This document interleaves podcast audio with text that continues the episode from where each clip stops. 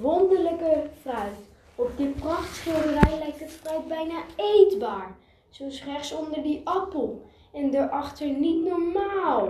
Die blauwgroene stenen kan. Kijk dan naar die wonderbaarlijke kandelaar. Niet normaal zo mooi. En dan heb ik het nog niet eens over die glanzende ananas. Ik denk toch echt dat dat het pronkstuk is. Daaronder nog twee van die wonderbaarlijke citroenen. En kijk dan eens helemaal naar beneden.